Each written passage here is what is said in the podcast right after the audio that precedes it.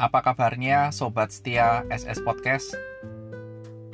Berharap penyertaan Tuhan dalam kehidupan kita nyata dan kekuatan serta sukacita Tuhan berikan kepada kita. Sebelum kita melanjutkan pembahasan dari Injil Lukas, izinkan saya menyapa untuk para mahasiswa FON UPH. Bagaimana kabarnya? Baik yang ada di Jabodetabek ataupun di luar Jabodetabek. Berharap kalian boleh dan Tuhan kuatkan dalam melayani setiap pasien yang ada khususnya di tengah-tengah pandemi COVID. Mari kita merenungkan Lukas pasal yang kelima ayat 12 sampai dengan ayat yang ayat yang ke-16 dan saya memberikan sebuah tema Yesus dan orang kusta.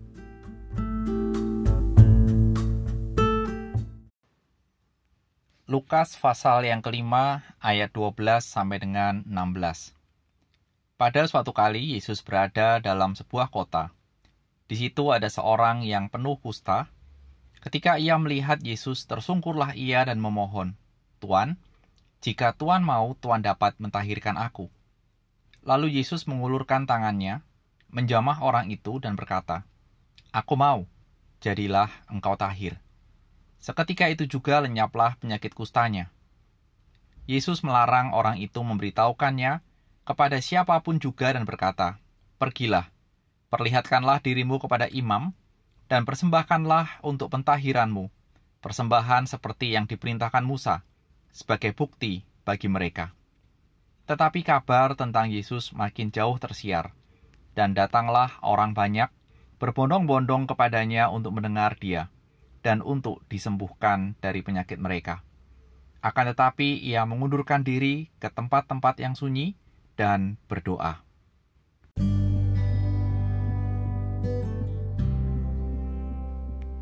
Mari kita bersatu dalam doa. Bapa kami di dalam surga, sekali lagi kami mohon pimpinan dan berkat Tuhan dalam kami merenungkan firman Tuhan melalui media online. Tuhan dengar doa kami, dalam nama Tuhan Yesus, amin. Sobat setia SS Podcast, izinkan saya bertanya, siapa di antara para pendengar yang pernah menantikan kelanjutan film-film seperti Avenger, kelanjutan dari Fast and Furious, dan mungkin sekarang menantikan kelanjutan dari film John Wick. Sebenarnya apa yang kita tunggu dari kelanjutan-kelanjutan film itu?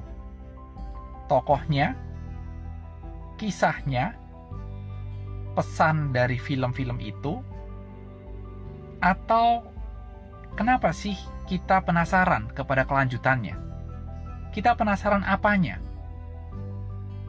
Saya mengajak kita untuk menggunakan rasa penasaran itu untuk juga melihat kisah dari Tuhan Yesus. Setelah Tuhan Yesus memanggil Simon Petrus, Mari kita sama-sama menebak. Kira-kira kisah apa lagi dan pesan apa lagi yang ingin Lukas kisahkan atau lukiskan tentang sosok Kristus ini? Ternyata Lukas mengkisahkan bahwa dalam perjalanan Tuhan Yesus memberitakan Injil Kerajaan Allah, dia bertemu dengan seseorang yang sakit kusta. Kalau kita mengikuti podcast ini dari edisi pertama, kita akan bisa menyimpulkan bahwa Yesus sebagai anak Allah pasti bisa menyembuhkan segala penyakit termasuk kusta. Tepat sekali kesimpulan kita. Tidak diragukan. Tuhan Yesus sebagai anak Allah pasti bisa menyembuhkan. Ternyata orang kusta ini pun juga menyimpulkan hal yang sama. Mempercayai bahwa Tuhan Yesus mampu. Dari mana kita bisa menyimpulkan bahwa orang kusta ini pun percaya? Perhatikan kalimat yang dia ucapkan. Dia berkata bahwa Tuhan, jika Tuhan mau, Tuhan dapat mentahirkan aku. Orang kusta itu tidak berkata atau bertanya, apakah Tuhan bisa menyembuhkan aku? Atau apakah Tuhan mampu memiliki kuasa yang menyembuhkan sakit kustaku? Sobat setia SS Podcast, penyakit kusta saat itu belum ada obatnya seperti sekarang ini. Dan sampai sekarang pun, vaksin untuk sakit kusta belum ditemukan. Dan pada saat itu orang kusta dianggap najis, sehingga dia harus hidup sendiri, dikucilkan dari masyarakat, dan juga tidak bisa beribadah kepada Allah. Di dalam Perjanjian Lama, kusta dikisahkan sebagai gambaran hukuman Allah bagi dosa. Tokoh seperti Miriam, Gehasi, Usia pernah mengalami sakit kusta.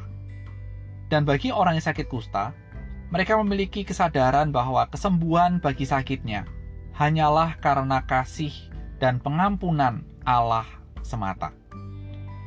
Oleh karenanya, orang kusta itu percaya dan memohon kepada Tuhan Yesus jika Tuhan mau.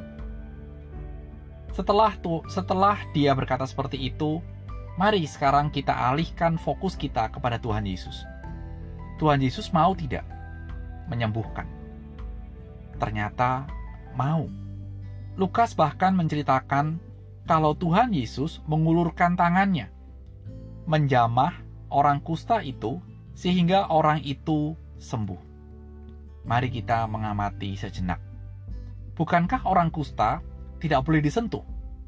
Bukankah ketika kita bertemu dengan orang kusta harus ada jarak? Social distancing sangat penting kalau kita bertemu dengan orang kusta.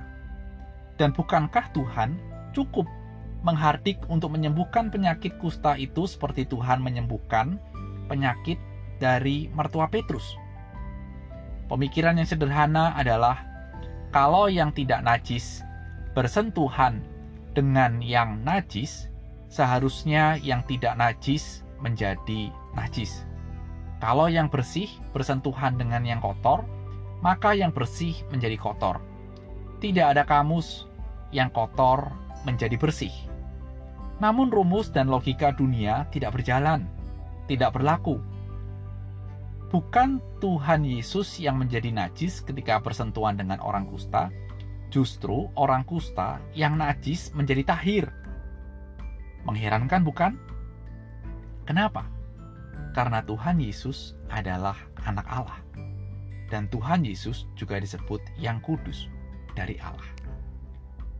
Pada saat Lukas menuliskan Injil Lukas, bukunya dituliskan untuk seorang yang bernama Theophilus.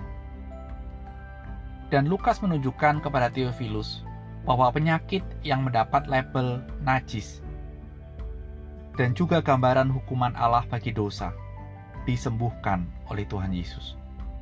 Dan nanti Tuhan Yesus sendiri yang akan menguduskan, menghilangkan kenajisan umatnya dengan darahnya sendiri. Ibrani 13:12 mencatat hal itu. Sehingga jelas seakan-akan Lukas ingin menunjukkan kepada seseorang yang bernama Theophilus dan juga pembaca dan juga kita saat ini. Kalau seseorang kita merasa diri kita terlalu banyak dosa. Sehingga sering kali kita merasa bahwa saya tidak layak, saya terlalu najis.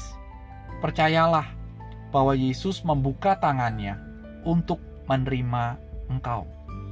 Seperti Tuhan Yesus menjamah dan mengulurkan tangannya untuk orang kusta, itu pun juga sekarang ini berlaku untuk orang-orang berdosa. Dan bagi kita, anak-anak Tuhan yang sudah terlebih dahulu merasakan jamahan penebusan dari Kristus.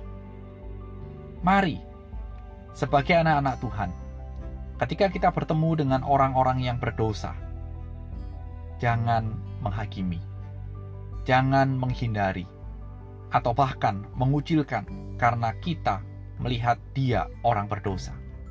Tapi ulurkan tanganmu untuk menjamah hidup mereka kalau kita bertanya, melalui apa? Bisa kita lakukan melalui perkataan kita yang membangun, yang menguatkan, yang menyatakan kasih. Bisa juga melalui perbuatan kita. Bisa juga melalui integritas kita. Bisa juga melalui pemikiran-pemikiran kita. Ada banyak cara untuk kita boleh menyatakan jamahan Kristus melalui hidup kita. Sobat setia SS Podcast, selamat menyatakan kasih Allah kepada dunia dan Tuhan melindungi kita semua.